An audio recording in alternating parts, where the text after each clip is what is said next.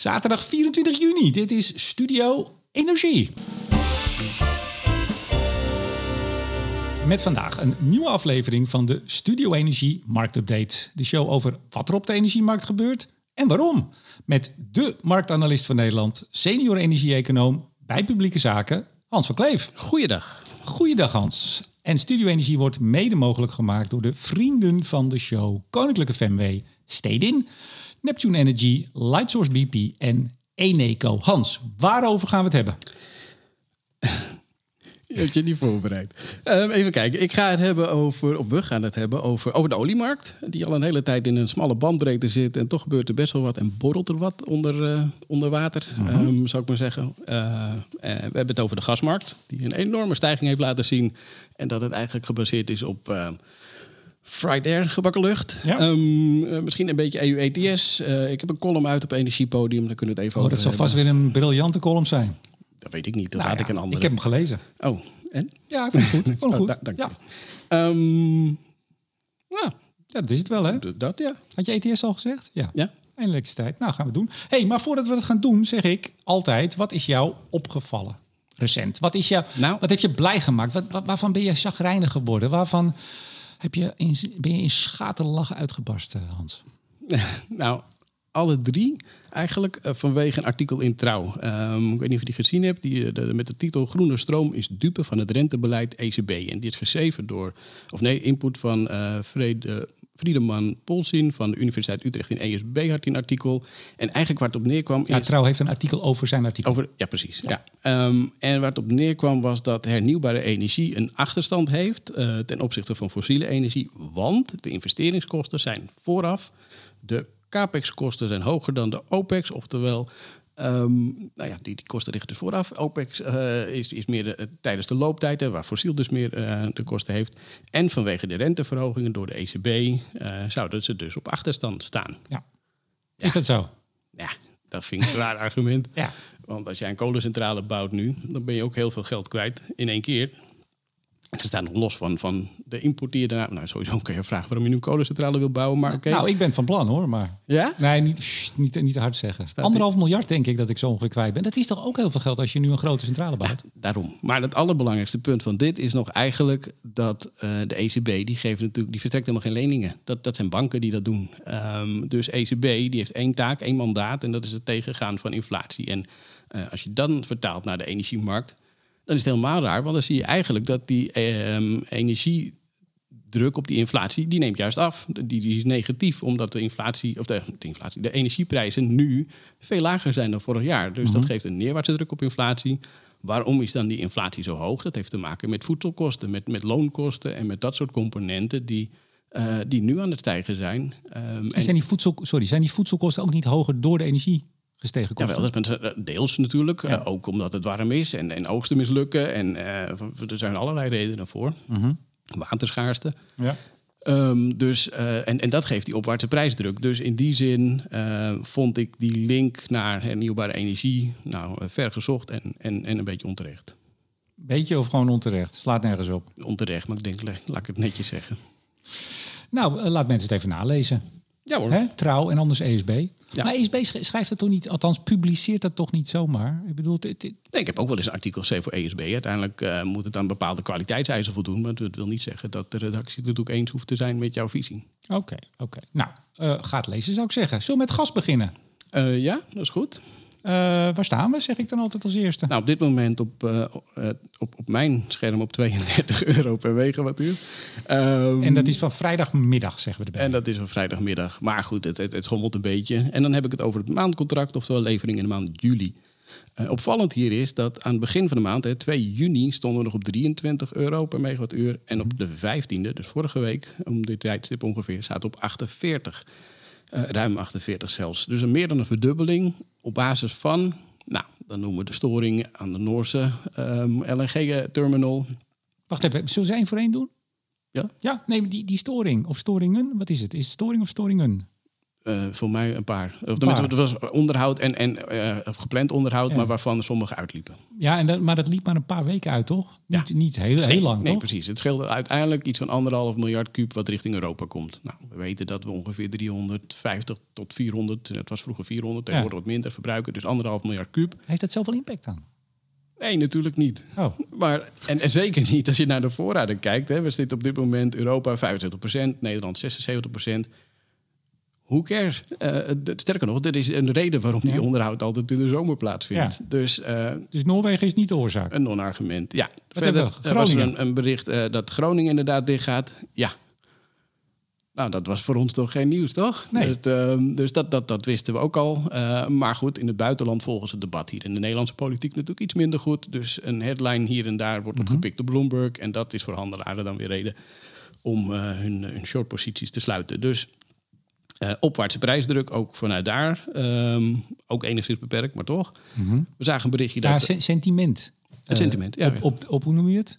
Op, uh, opwaartse potentieel. Nee, opwaartse druk. Uh, opwaartse prijsdruk als gevolg opwaartse van... Opwaartse sentiment. sentiment prijsdruk. ja, ja, ja. Oké. En eigenlijk is het nog erger, want het is dus het short sellen, dus het, het minder negatief zijn wat opwaartse prijsdruk geeft. Oh, nu haakt ik denk dat af. iedereen, ja, ja. ik zeggen, ja. China, wat speelt dat voor rol? Nou ja, uh, daar zien we natuurlijk dat die economie langzaam maar zeker herstelt, uh, dat de vraag naar gas toeneemt, of dan energie in het algemeen. is er een beetje angst dat er misschien minder gas deze winter deze kant op komt, omdat zij ja, hun eigen contracten gewoon mm -hmm. gaan, gaan uitvoeren. Um, en ook dat geeft opwaartse prijsdruk. Is ook ja. niet nieuw, hebben we het al een paar keer over gehad in deze podcast. Uh, maar al die argumenten bij elkaar zorgden dus voor, dat, voor de shortselling. En, en ja, dan kan het snel gaan in een markt die doorgeschoten is. En dan zie je dus dat uh, ja, we van 23 uh, zomaar een, een, prijs hebben die twee keer zo hoog is. Mm -hmm. En inmiddels dus weer terug is naar 32. Dus het is super volatiel, bewegelijk, uh, waarbij ja, fundamenteel eigenlijk weinig aan de hand is. Voorraden zijn goed gevuld, het is schitterend weer. Nou, misschien dat iemand de airco aanzet, maar dat doe je toch. Met je zonnepanelen misschien. Dus uiteindelijk de totale gasvraag op basis daarvan, die, die valt wel mee. Um, en, en ja, je ziet dus dat de markt daar een beetje zoekend is ja. in, in, in, richting. En te ver is doorgeschoten naar beneden, denk ik. Het valt mij wel op, uh, maar het is anekdotisch uh, wat ik nu zeg. Maar een beetje om me heen en zo. Ik was naar de kapper vanochtend, daar hoor je ook nog wel eens wat. Hoeveel mensen nu ineens, toch, of ineens, airco's willen en aanschaffen. En ik, ik, ik, ik, ik liep laatst langs een tramhalte. Daar stonden drie hele jonge mensen die er wat alternatief uitzagen. Waarvan ik dacht, nou, die gaan nooit aan de airco. Ja hoor, die hadden twee airco's daar in kartonnen dozen uh, gekocht of opgehaald. Ik weet het niet. Maar ik, ik hoor van allerlei kanten dat mensen uh, airco's willen. Ik zie het ook in mijn buurt. Ik woon in Amsterdam-West. even Hans, het is toch niet zo warm? Het is verrukkelijk weer. Vroeger gingen we naar Zuid-Frankrijk of Midden-Frankrijk voor dit weer.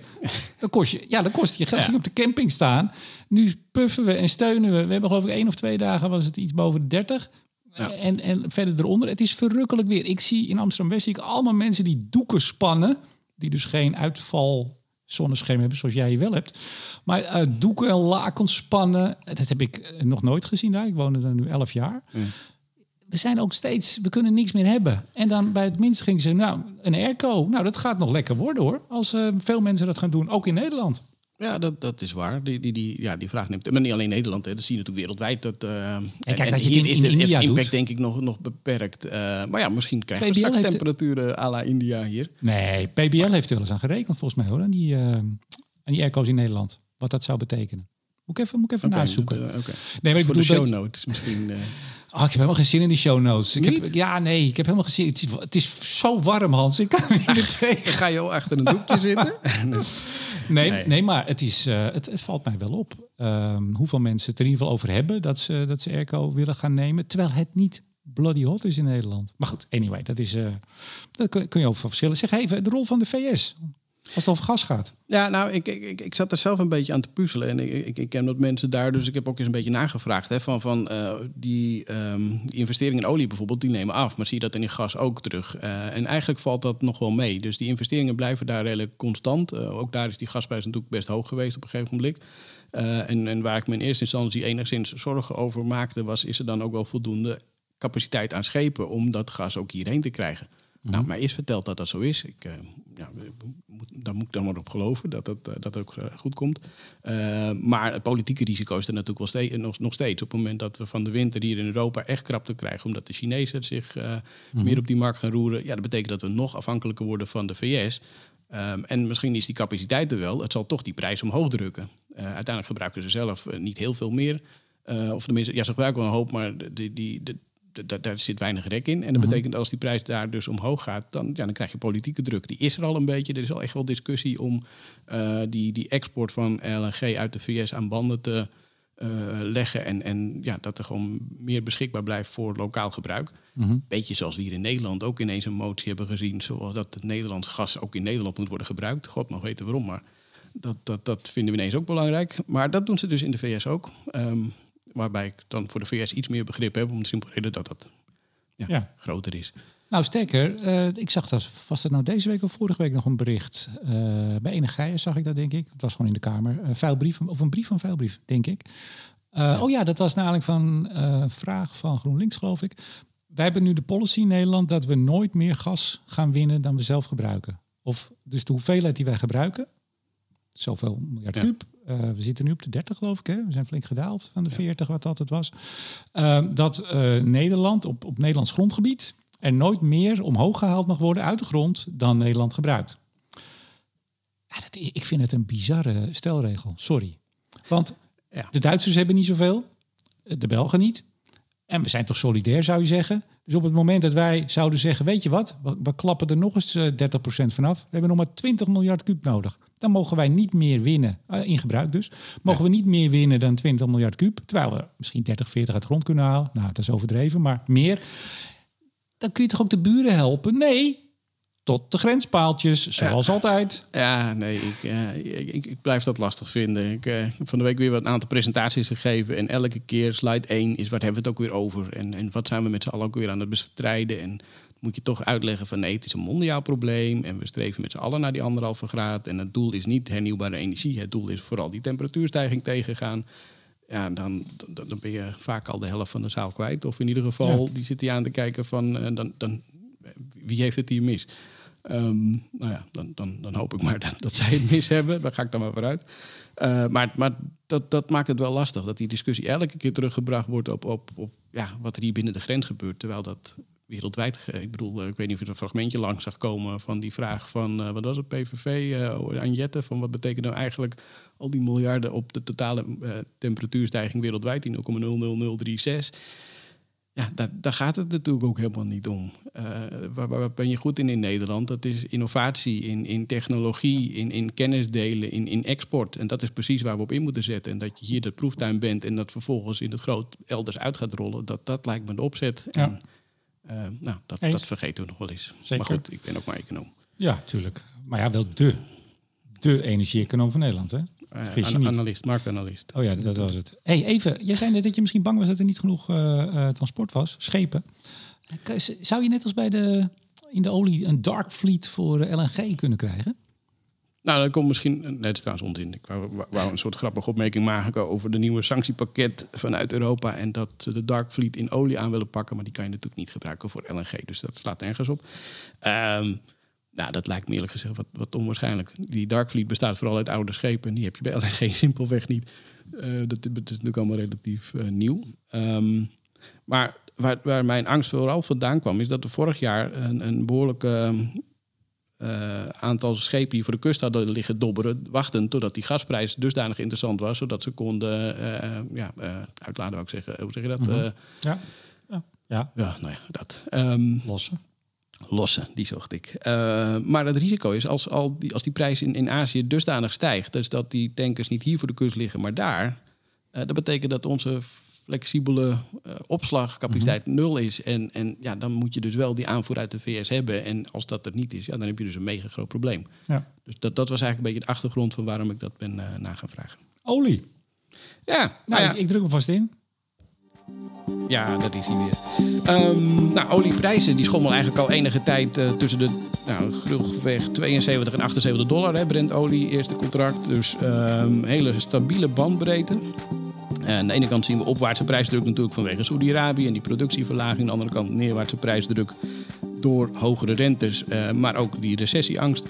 Die, die, eh, ja, en dat, dat, dat heeft elkaar gewoon een beetje op. Maar uiteindelijk, en we hebben het natuurlijk heel kort al even in, in de, de podcast onlangs over gehad, hè, die die paar minuten. Ik bedoel die experimentele podcast waarin jij te gast was samen met Rob Jette, Henry Bontebal, Hans Schoenmakers, Kobi van der Linden en Jan Vos. Bedoel je die? Die bedoel ik, ja. En waar ik ook zag dat er heel veel positieve reacties op waren. Ja, maar er waren ook mensen, ik heb eh, 50-50.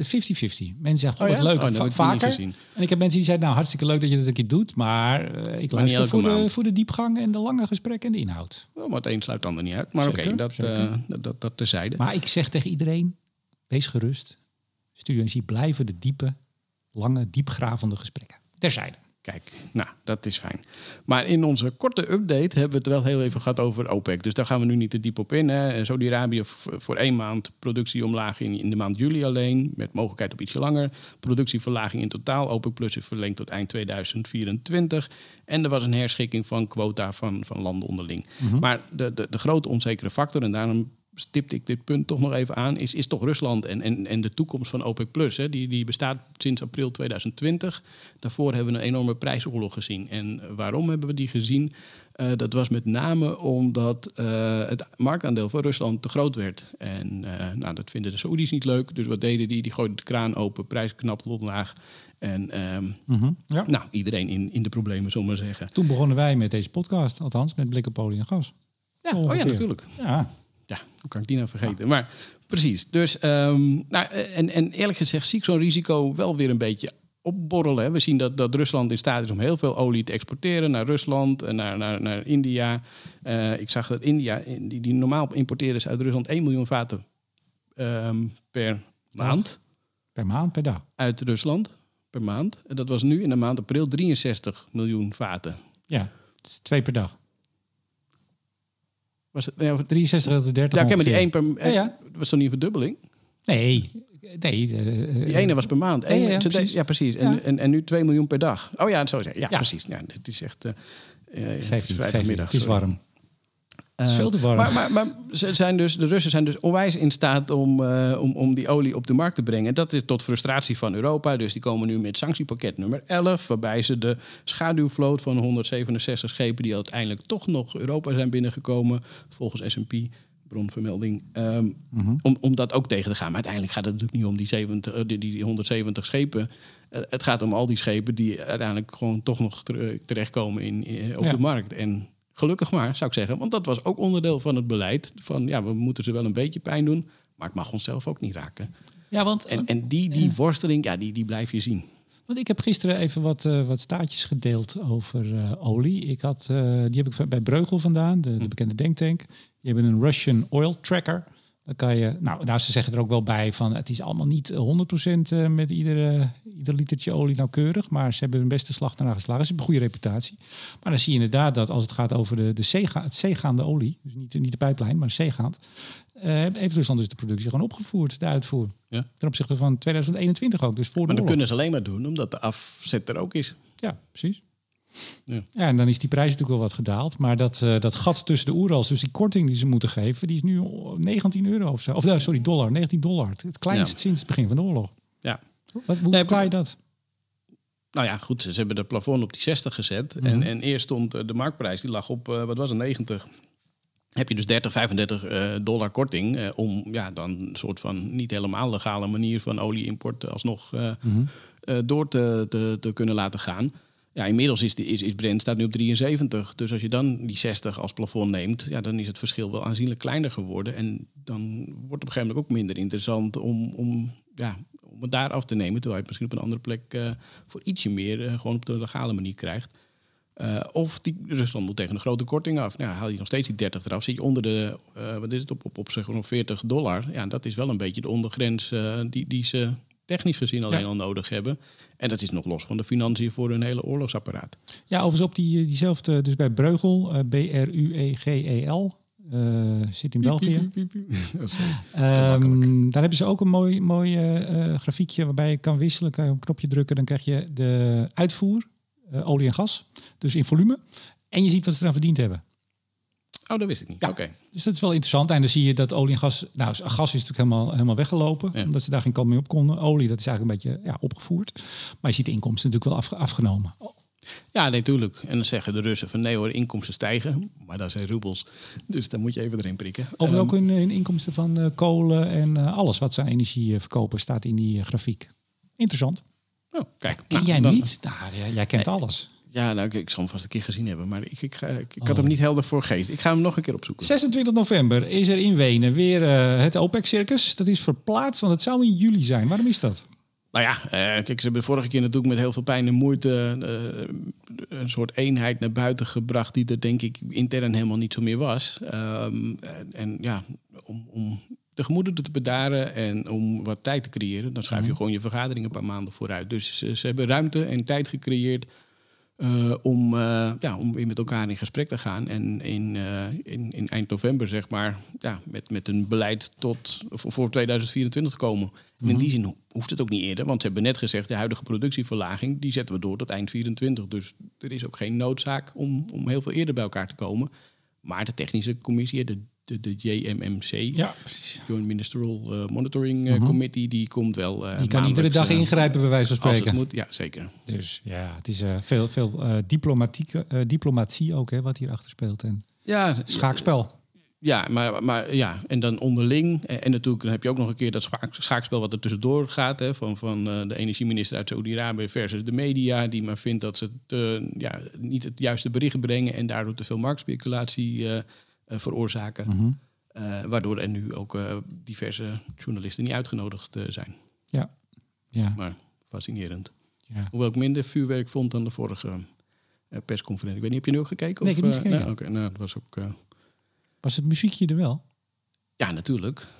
Inc- inclusief de test. test oh, Ja, oh, weer? ja, ja, ja, die was er ook weer. Maar eh, uiteindelijk, ja, nee, het was, eh, ja, de, de showigheid was er een beetje af. En elke kritische vraag werd eh, met een mooie boog weer teruggegooid. Maar wat, wat gaan we zien tot 26 november, denk je? Hoe, hoe moeten we daarnaar kijken als mensen iets lezen over OPEC-landen en OPEC? Wat? Nou, er zijn, er zijn denk ik paar dingen die je in de gaten moet houden. Dus de productie van Angola en Nigeria, die, die staat onder druk. En, en die zie ik ook niet 1, 2, 3 ver- ver- ver- om, omhoog gaan. Maar dat is wel... ehm, eh, zijn die landen die eigenlijk capaciteit moeten inleveren ten behoeve van eh, de Emiraten. Eh, nou, die, die gaan we dus in de gaten houden. Van, gaan zij meer produceren? En uiteraard Rusland. Van, ja, in hoeverre houden zij zich nu wel of niet aan de afspraak? Want op het moment dat ze dat steeds minder gaan doen... ja, dan wordt de incentive voor Saudi-Arabië om, om in te grijpen steeds groter. Ja, en ze hebben vorige keer afgesproken dat er geloof ik drie clubs die worden in, in stelling gezet om het echt te gaan meten Eh, en kijken. Zeven, zeven verschillende organisaties, een, een S&P, een Platts en, en, en nog een aantal... die, die Ja. moeten dus onafhankelijk van elkaar gaan meten wat iedereen produceert. Dat, daar komt een gemiddelde uit en dat wordt als... als eh, want ze vertrouwen elkaar voor geen meter natuurlijk. Erg, hè? Eh, of erg, maar, maar het, het viel mij op dat je dan ook niet zegt, nou, we doen één club of twee. Nee, heel veel. En dan, Ja, nee, ja, ja. maar goed. Dat, is hoe- wereld. Hoe het werkt, ja, Ja. precies. Hey, er was nog nieuws. Eh, nou, gisteren zag ik FD al had er een berichtje over. Maar eh, vandaag kreeg ik ook het persbericht. Neptune Energy, een van de vrienden van deze show, die wordt verkocht. Ja, ik zag de headline, maar zoals je weet kijk ik niet zozeer naar bedrijven, maar meer naar de markten. Dus deze Nee, nou, ik, maar ik zag, ik zag hem langskomen. Ja. Ja, de, de Italianen. Eni, de grote Italiaanse, ja, wat is het, olie- en gasbedrijf, hè? Ja, Toch? je, je hebt de, in, in de aankondiging net het nog niet aangepast, geloof ik, of wel? Nee, Oké. Het is geen, ik heb het niet als hoofdonderwerp. Hoe bedoel je in de aankondiging? Oh, als sponsors. Oh, nee, nee, nee, nee, nee. Nee, het is het voornemen, hè? Dus nou, in principe is het rond, maar ik, er moet, het is nog niet rond.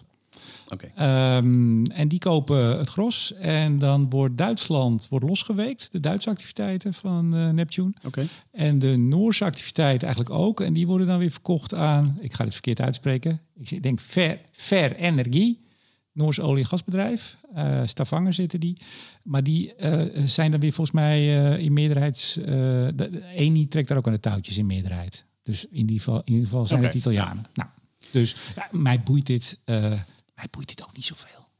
Jij kwam hier mee, hè? Ja, ja, nee, nee, nee, maar ja, natuurlijk, ik meld het even. Het is toch het is een grote partij in, nee, Noordzee zeker. En nou ja, daar zit private equity achter, achter Neptune. Chinezen zitten er ook achter. Ja, ja. Eh, en ja, weet je, al die belangen en waarom eh, verkoop, aankoop, dat is gewoon het geldspel. Ik heb daar geen sjoeg van. Het boeit me ook niet. Nee, nou ja, wat ik zeg, ik ben geen aandeel of, uh, ja, aandeelanalist. Dus ik, ik heb eigenlijk de afgelopen 15 jaar al geleerd van nou, de, de, de headlines die zie ik. En uh, ik vind het ook wel interessant een beetje te lezen. Maar uiteindelijk. Uh, ja, nou, er zit natuurlijk ook wel een verhaal. Er zit wel een verhaal achter natuurlijk Tuurlijk. altijd bij dit soort dingen. Dus die private equity jongens, die, nou, die zien dit een mooi moment om uit te stappen. En dan ligt het eraan wat hun strategie is. En of het korte termijn, lange termijn uh, verwachting, uh, dat is een, uh, een wereld op zich. je hebt een nieuwe column afgelopen week bij Energiepodium. Ja. Een disruptief scenario lijkt onvermijdelijk. Ja, ik zat nog te dubben van zal ik het lijkt eruit laten? Maar ja, goed. Ik, ik, is onvermijdelijk dus, had er moeten Bart, staan. Bart, mijn collega, die zegt dat ik wat rustig aan moet doen met mijn titels. dus ik, ik, denk, laat ik lijkt erin zetten en hebben we nog een voorbouwtje. Dus. Oké, okay, nou, disruptief scenario voor wat? Nou ja, goed, als je kijkt naar het IEA, naar um, um, de, de oliemaatschappij, de grote die met scenario's werken. Je hebt voor, voor de financiële sector heb je de, de Network for Greening the Financial Systems, de NGFS.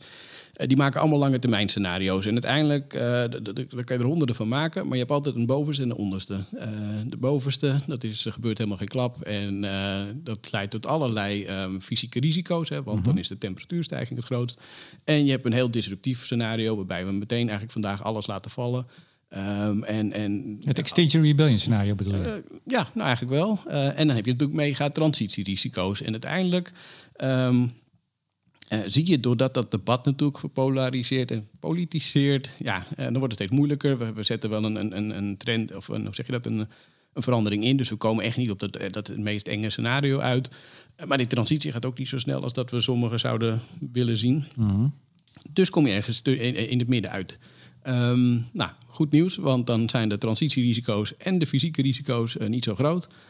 Uh, maar het slechte nieuws is natuurlijk dat je dan alle doelen mist. Um, en nou goed, dat, dat, dat was zeg maar het kapstokje waar ik de column aan heb gehangen. Waarbij je eigenlijk zegt van ja, er is iets misschien te veel, en dat zeiden we net ook al trouwens, te veel focus op, op lokaal beleid. Er is veel te weinig focus op de vraagkant. -hmm. Um, kijk, uh, het energiebeleid, de kaders moeten worden gezet door de politiek. Maar uiteindelijk zijn het de bedrijven die de transitie uh, moeten gaan doen. Uh, nou, daar is niet altijd evenveel steun voor. Ehm, en uiteindelijk, de support moet vanuit, vanuit ons komen, vanuit de vraagkant. En ja, die wordt toch vaak gedreven door comfort of prijs. Mm -hmm. ja. Nou, als, als dit uh, de, de, de ether ingaat, het gaat niet de ether in, dat weet ik wel, maar het klinkt zo fijn. Ja, dan, is het, dan is het zaterdag en dan is er een grote protestdag uh, bij Tata. Hè? Heb je het gevolgd? Ja, ik zag ook dat Tata jongeren vandaag bij Greenpeace op de stoep stonden. Ja, gisteren geloof ik, donderdag. Oh, was gisteren? Oh, oké. Okay. Nou, ja. Ik las het vandaag. Nou, dat hebben ze wel eens meer gedaan. Want ik had Hans van den Berg, de CEO van Tata, toen uh, vorig jaar in Diligentia als een van de sprekers. En toen heb ik nog een uh, fotootje laten zien van. Uh, uh, toen had hij ook jongeren meegenomen. Die stonden in de straat. Het is een vrij smal straatje. Ja. Waar, ja, maar nu kwamen ze met drie bussen. Maar dat was bij, sorry, dat was bij Milieudefensie en nu was het bij Greenpeace. Ja. ja. Met eigenlijk het idee van, joh, laten we wel het gesprek blijven aangaan. En dat met name ook de jongere generatie toch gaan, is gaan werken bij bedrijven als Tata Steel. Om, ja, om die transitie juist door te maken. Om die bedrijven daarbij te helpen. Uh, en ja, die worden ook een beetje moe van altijd weggezet worden als, uh, als, als, als fout. Ja, ja, nou ja, weet je, ik, ik heb al vorig jaar volgens mij een keer een, tweetje geplaatst over, heb ik het vergeleken met Groningen, Tata. Iets wat, nou Groningen is geen honderd jaar, maar decennia lang ons veel, veel brengt. Gas heeft een, een deel van de Nederlandse welvaart voor gezorgd en heel veel bedrijven naartoe, noem maar op. Uh, Tata, uh, twee van mijn ooms uh, in Noord-Holland, althans die woonden in Noord-Holland, werkten bij de Hoogovens. Het, het, het, er zijn veel parallellen. Hè? Een, een, hele grote gemeenschap, een hele provincie of een deel van de provincie die er zijn, zijn werk vindt en daar een ja. band mee heeft. de, de, degene die de broodjes levert en de mensen die aan de Hoogovens werken, noem maar op. Groningen had dat natuurlijk ook.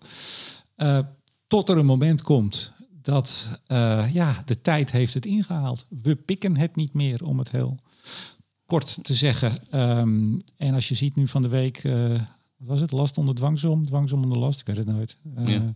Onder verscherpt toezicht gezet uh, door de omgevingsdienst, waar natuurlijk ook steeds meer druk op wordt uitgeoefend. Ik, ik denk, en ik zeg dat met pijn in het hart, dat Tata het niet, die houdt het niet overeind. Ja, ik weet niet. En, en, dat heeft met name te maken met het feit dat je ook vanuit de politiek ziet dat we niet afhankelijk meer willen zijn van. Uh, de, laat ik dan zeggen, we willen meer focus op Europa. We moeten niet te veel importafhankelijk zijn van andere grootmachten. Denk aan de VS, maar zeker aan China. Ehm, ja, je, je kan niet zeggen van we moeten meer hier doen en vervolgens uh, de industrie weer uh, wegjagen. En, en dat, dat, dat maar dat kan dus wel en dat is het vervelend. En dan kijk ik toch altijd even naar onze vrienden van de media. Omdat als, de, als je de berichtgeving over dit soort zaken ziet, dan is het de ene dag een stuk over dat we internationaal moeten kijken. En de volgende dag een stuk over dat de uitstoot van Tata te hoog is. Het wordt niet met elkaar in verband gebracht. Dus maar dat doen wij hier. Dat doen wij hier, ja. Maar uh, we hebben nee, maar, een, ontzettend bereik, maar niet de hele, de hele Nederland. Uh, nee, dat is dan weer jammer. Ja, dat is jammer. Nee, ik denk dat Tata het niet droog houdt. Dus je ziet, die, die omgevingsdienst die zit er steeds meer bovenop. Die hebben al een, wat was het, 160.000 euro opgelegd. Um, de verwachting is dat sommige dingen kunnen ze gewoon niet voorkomen. Dat is ook wel het erge natuurlijk. Er staan gewoon uh, spulletjes van de jaren 70 en dat heb je niet gewoon op een achternamiddag omgebouwd. Nee, ook daar is een transitie en uh, het gaat niet van vandaag op morgen. Nee, maar, maar de maatschappij accepteert is, het is dat um, ja, maar uiteindelijk moet je die, die, die, die, keuze in de, in de politiek. Wat, wat, wil, en daar, hebben we natuurlijk al de hele tijd omheen. Welke industrie wil je hier nog wel en wat niet? Maar er, er komt straks uh, een keer. Dus er zijn af en toe. Dat zijn problemen in dat, het kooksproces. Ik heb daar geen verstand van, maar ik lees maar wat ik in de, de media lees. En dan komt er een, een, even een soort wolk of een soort, soort stofwolk. Nou, dat gaat straks een keer. Uh, erg gebeuren. Daar zul je gradaties in hebben, een beetje of erg. En waar dat misschien vijf jaar geleden een stukje in de krant was, of uh, twee jaar geleden weliswaar tot ophef leiden, maar niet tot veel, is het straks gewoon een reden om ze stil te leggen. Ik denk dat Tata binnen nu en twee jaar wel een keer wordt stilgelegd. Of dat, dat onderdeel van het proces een keer wordt stilgelegd door de omgevingsdienst. De druk wordt gewoon te groot. Je zag Benedict uh, Fiek, die advocaten, hè, die uh, bekende advocaten, strafrechtadvocaten, die zich daarna, of de afgelopen jaren vooral eigenlijk heeft ingezet voor nou, het anti-roken, uh, ja. zaak tegen tabak. Um, nu uh, Tata Steel. En die vindt dat Hans van den Berg, de CEO, gewoon de gevangenis in moet. Hè, dat was een interview, ik dacht niet FD, twee weken terug. Ja. Nee, maar die, dus die druk, neem maar even los van wat we ervan vinden. Je ziet feitelijk gebeuren uh, dat die druk steeds meer wordt opgevoerd. En dat zie je vanuit de politiek. Uh, dat zie je zo'n omgevingsdienst die natuurlijk ook uh, niet blind is voor uh, maatschappelijke gevoelens. Ja, zo, zo gaat dat. Nou ja, we gaan Triest. het zien. nogmaals, dit is zonder waardeoordeel. Ik denk dat je gewoon kunt zien dat dat gebeurt. jouw column op Energiepodium. Nou, leest allen, zeggen we dan. ETS, EU-ETS, de CO2-prijs. Wat gebeurt daar, Hans? nou, eigenlijk, eh, ook daar zagen we het laagste punt eh, op 2 juni. Dus gelijk met gas. Hè, op, op 78 en een beetje zaten toen euro per ton. Uh, inmiddels, uh, toen, toen schoot hij weer naar boven. 95 euro per mega per ton. en inmiddels nou, iets eronder. Dus we staan nu op 90. Um, en ook hier, beleidsmatig, fundamenteel is het dus eigenlijk niks veranderd. Dus het is puur de, de, de meer, gas naar, meer vraag naar gas. Dus nou, oké, dat, dat, dat is wat, wat positief dan. Um, maar vooral heel erg technisch gedreven. En daar kwam nog, eh, maar dat is door een microfoon lastig uitleggen. Um, ik zal anders een grafiekje even op Twitter zetten of zo. Maar er zat, er zat een stukje technische analyse bij. Dus, dus een, een weerstandslijntje die een paar keer getest werd. Nou, dan breekt die door, dan klap je omlaag. En vervolgens uh, herstelt zich dat weer wat. Mm -hmm. um, maar, maar het was, was, was heel erg, ook, ook hier dus, weinig fundamenteel in, in lijn met gas. En uh, ja, wel, wel behoorlijk grote bewegingen. Dus ja, dat, dat, dat valt dan toch op. Misschien deels omdat uh, de zomer uh, eindaantocht is. Dat er wel met mensen met vakantie zijn. En dus wat volatieler. Ja. Hoewel dat, nu heb ik mijn hele vooruitblik gegeven. Maar, maar leg toch nog even uit, heel, heel ja. voor, voor mensen, short selling. Ja. Ik, ga, ik, ga, ik ga handelen. Jij gaat handelen, en, okay. en ik denk op een dag, weet je wat, Hans? Ik ga short sellen. Wat doe ik dan? Nee, nee, je, je, je gaat niet short sellen. Je, je, gaat eerst short. Oftewel, je, je, je denkt, je, weet ik veel, je pakt een bepaalde koers van iets. En, uh, nou, nou, wacht even. Die, die is 100. Nee, wacht even. Zegt, We pakken hem even. ETS. ETS, oké. Okay, de ETS-prijs die was 90. Ja. En dan denk je van, nou, die is wel erg hoog. Ja. Ik denk dat die prijs omlaag gaat. Dus dan verkoop je, of eh, in, in, daar kan je in opties doen, dat kan je met, met allerlei de financiële, mm -hmm. bel vooral uw beleggingsadviseur zou ik zeggen, en, en overleg het daar. Ik denk het moet 80 zijn. Het eigenlijk. moet 80 zijn. Dus wat je eigenlijk gaat doen is je neemt positie in op een prijsdaling. Mm -hmm. En vervolgens is of die prijsdaling geweest, of die, je denkt ineens die komt niet meer, dan verkoop je die positie. En dat betekent dus bij de aankoop, dat, dat geeft neerwaartse prijsdruk. Ja, niet als jij het in je eentje doet. Ik weet niet hoeveel geld je meeneemt natuurlijk. Maar, maar als heel veel partijen dat doet, dan, dan krijg je dus al die opties in de markt. En dat drukt die prijs gewoon simpelweg omlaag. Dus, eh, Dan wordt het wat ik wil dat het wordt. Uiteindelijk wel. Ja, dat hebben we natuurlijk bij die, bij die ehm, eh, wat was dat, die, die flow traders gezien. Hè? Dat, dat, dat ze door bepaalde handel, dan kan je die, die koers kan je beïnvloeden, mits je maar voldoende volumes he- he- meebrengt.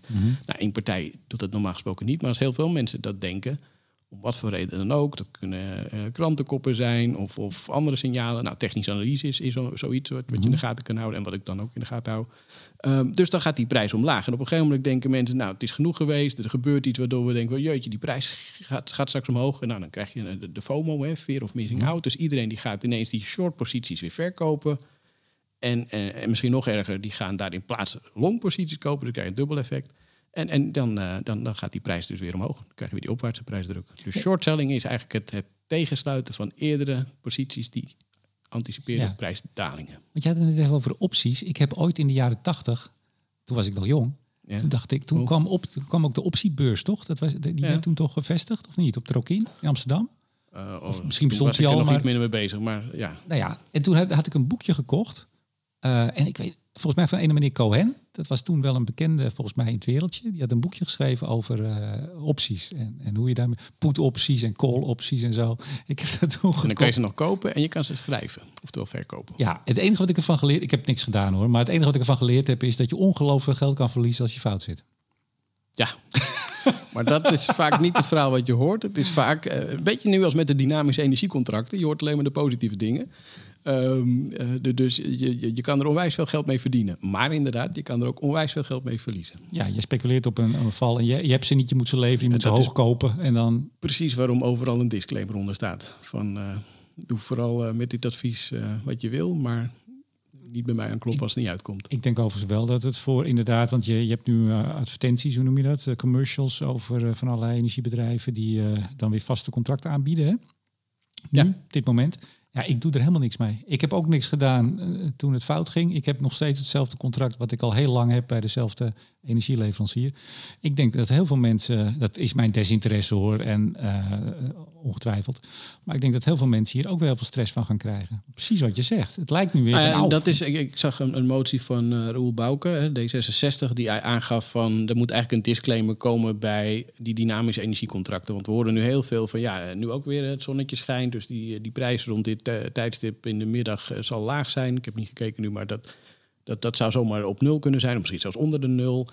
Ehm, dus is een dynamisch contract eh, ja, heel erg voordelig, want dan betaal je niets of, of je krijgt misschien zelfs geld toe. Ehm, maar eh, wat er niet in ieder geval genoeg nadruk op wordt gelegd, is dat als we van de winter een keer een donkelflaute periode zien en, en die, die kolen en gascentrales staan te stampen en we hebben weer eens een prijs van 300 euro, ehm, ja, die krijg je dan ook voor je kiezen. En wat wilde Bouke? Dat, dat, dat, dat je in ieder geval een disclaimer erbij hebt. Dat, dat, dat je heel erg bewust bent. Eigenlijk wat je bij, bij ehm, eh, financiële producten ook ziet. Hè, van eh, ja, dit, laten we zeggen, garanties tot de voordeur. Het kan meevallen, het kan tegenvallen. En, en wat je heel veel ziet, ik, ik- ik ben gequote door de NOS dat ik toevallig wel een jaarcontract heb afgesloten enige tijd terug. Vervolgens heb ik alle vrienden en familie aan, de, aan de lijn hangen wat zij moeten doen. Dit is overigens geen oproep. Ehm, eh, maar, maar, maar, wat je wel dus daaruit merkt, is dat er heel veel mensen die variabele contracten, dus die één keer per maand wijzigen, ook niet fijn vinden. Want die willen gewoon zekerheid. En ja, dan betaal je aan het eind van de rit misschien te veel. eh, maar dan weet je wel waar je één, twee of drie jaar aan toe bent. En dat, dat, die zekerheid, ja, dat is toch waar de meeste mensen toch wel, eigenlijk vergelijkbaar met hypotheekrentes, er toch wel, wel fan van zijn. Eén punt die ik er dan meteen voorbij moet zeggen, is dat die boeteclausule natuurlijk veranderd is. Hè? Dus Ja. wil je vastleggen voor twee of drie jaar, en je moet er of wil er tussentijds vanaf, weet dan wel dat je dan een hogere boete dan voorheen voor je kiezen krijgt. En uiteindelijk gewoon de waarde van dat contract op dat moment moet betalen. Dus dat eh, zekerheid eh, is in dit geval eh, komt met, met, met andere risico's. Zeker. Dus dat is de disclaimer die we daarmee maken. Mijn vrouw en ik hebben toen wij eh, ons eerste huis kochten, dus elf jaar geleden, we hebben heel lang gehuurd, hebben ook de hypotheek voor 20 jaar gewoon helemaal vastgezet. Hele lo- looptijd. Ja, wij ook. Heerlijk. Ik hoef er nooit naar te kijken. rust. Heerlijk. Ja, zoveel andere leuke dingen kunnen doen. Ja, hey, tot slot elektriciteit. Hoe is het met de stroomprijs?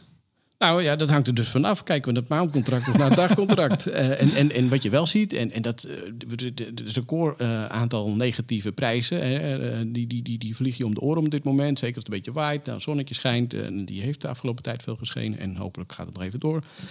dus die, die dagprijzen, die day-ahead-prijzen, die zijn echt heel vaak heel laag. Maar tegelijkertijd, zeker met die prijsstijging van gas onlangs, dan zie je dat die maandcontracten weer heel erg hard omhoog gaan. Dus die disconnectie tussen de maandcontracten die vaak toch kijken naar de samenstelling van de energiemix versus de day prijzen die gedreven worden door de, ja, de hectiek van alle dag, zou ik maar zeggen. Oftewel mhm. de, de opwek van vandaag en morgen.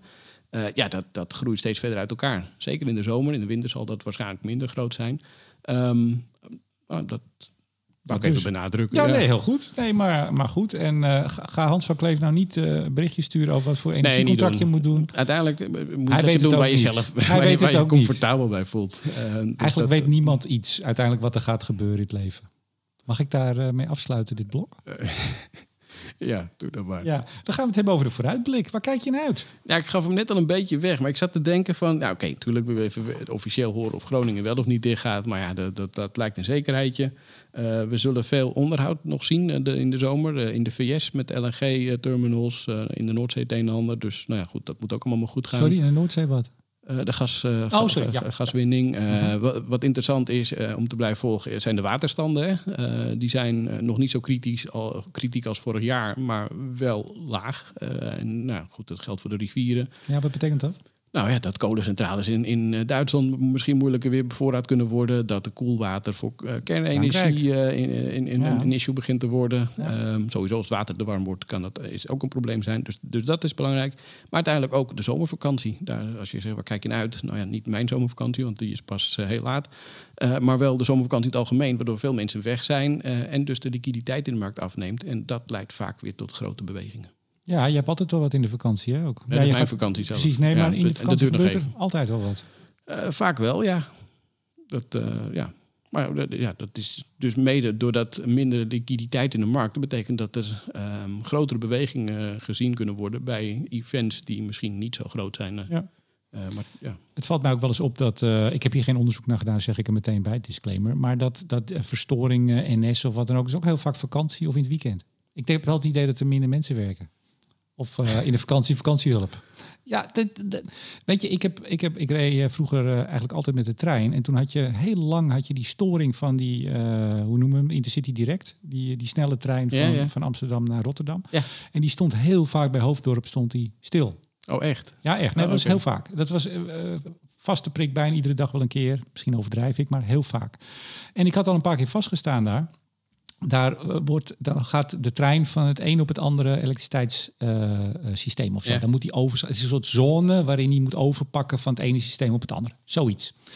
En toen op een gegeven moment vroeg ik het een keer aan een, uh, een wat oudere conducteur. Die zei ja, het heeft gewoon te maken met dat sommigen niet weten hoe het moet. en die heeft het me toen uitgelegd wat ze voor handelingen ze moeten Hij was conducteur, dus, maar goed, hij, hij had er sjoeg van. Althans, hij kwam over als iemand die er verstand van had hij vertelde, dat was best even ingewikkeld. Je moest even weten hoe dat moest. En uh, toen hadden ze veel nieuwe uh, machinisten of mensen die het gewoon nog niet gewend waren. Die werden ook soms ingezet op die trein, terwijl ze normaal op een andere route okay. reden. Oh, en dat kan dus maken dat er dat soort dingen gebeuren. Dus les van de dag, goed je vakantiekracht inwerken. Precies, of niet met vakantie gaan, dat kan ook. Uh, ja. Um, ja, de naam viel al even. Uh, waar kijk ik naar uit? Raoul Bouke die is te gast op 3 juli, volgende week maandag, uh, bij Studio Energie Live. Uh, in Café Lude. Samen met Marien Boonman natuurlijk. Tuurlijk. Onze tafelnerd, onze vaste energie-nerd. En Kobi van der Linden. Leuk. Uh, directeur van Klingendaal International Energy Program. Ook altijd leuk om erbij te hebben. Zeker. Ik zie erg uit naar de, de mix van deze drie. Uh, Raoul, die zie je ook niet zo heel veel uh, vind ik wel eens. Ik vind hem wel eens wat weinig in het debat uh, te horen. Ja, in de Kamer wel. Maar ik ben heel blij dat hij er is. Ja. Hij vond het ook heel leuk. En uh, nou ja, jij noemde de motie, of althans de, de disclaimer die hij wil. Maar ja. hij heeft zich ook wel uitgelaten. Dat was ietsje eerder, maar dat pakken we er even bij, denk ik. Tata heeft hij zich over uitgesproken. Ook een, een motie aangenomen gekregen in de Kamer over dat, ja, dat er misschien wel een wettelijke wettelijke vastlegging moet komen met eh, de reductie van Tata. Heeft ook een opiniestuk over geschreven. Nou, eh, en we gaan natuurlijk gewoon sowieso het nieuws van de afgelopen maand met hem doornemen. Daar kijk ik zeker naar uit. En dinsdag kondig hem verstaan. Ehm, gaan we het hebben over wat nou het effect is van 70 gigawatt op zee, op de Noordzee, aan windmolens, op eh, het ecosysteem in de Noordzee. Oké, interessant. Ja, en dat, nou ja, dat iedereen die daar wel eens iets over gehoord heeft, die weet dat heeft effect. Tuurlijk wat dat effect is en is dat erg of is dat niet erg? Nou, daar gaan we het uitgebreid over hebben. Aanstaande dinsdag bij Studio Energie. Ik zeg Hans, tenzij je nog iets hebt. Nee. Nee, ik zeg ik dankjewel. dankjewel. Uh, we zien elkaar weer uh, nou, na de zomer. Maandag? Uh, maandag. Oh ja, nee, maar in de, achter de microfoon. Oh ja, nee, precies. Dus dat zal ergens begin september. Ik ben nog even aan het, het, het schema aan het sleutelen met Jilles. Komt ik vandaag goed. nog contact met hem. Ik heb nog geen datum, maar eind augustus, begin september, zo ongeveer. Yes. Ik zeg dankjewel. En Dank. Ja. Studio Energie wordt mede mogelijk gemaakt door de vrienden van de show. Koninklijke FMW, Stedin, Neptune Energy, Lightsource BP en Eneco. Mijn naam is Remco de Boer. Graag tot de volgende keer.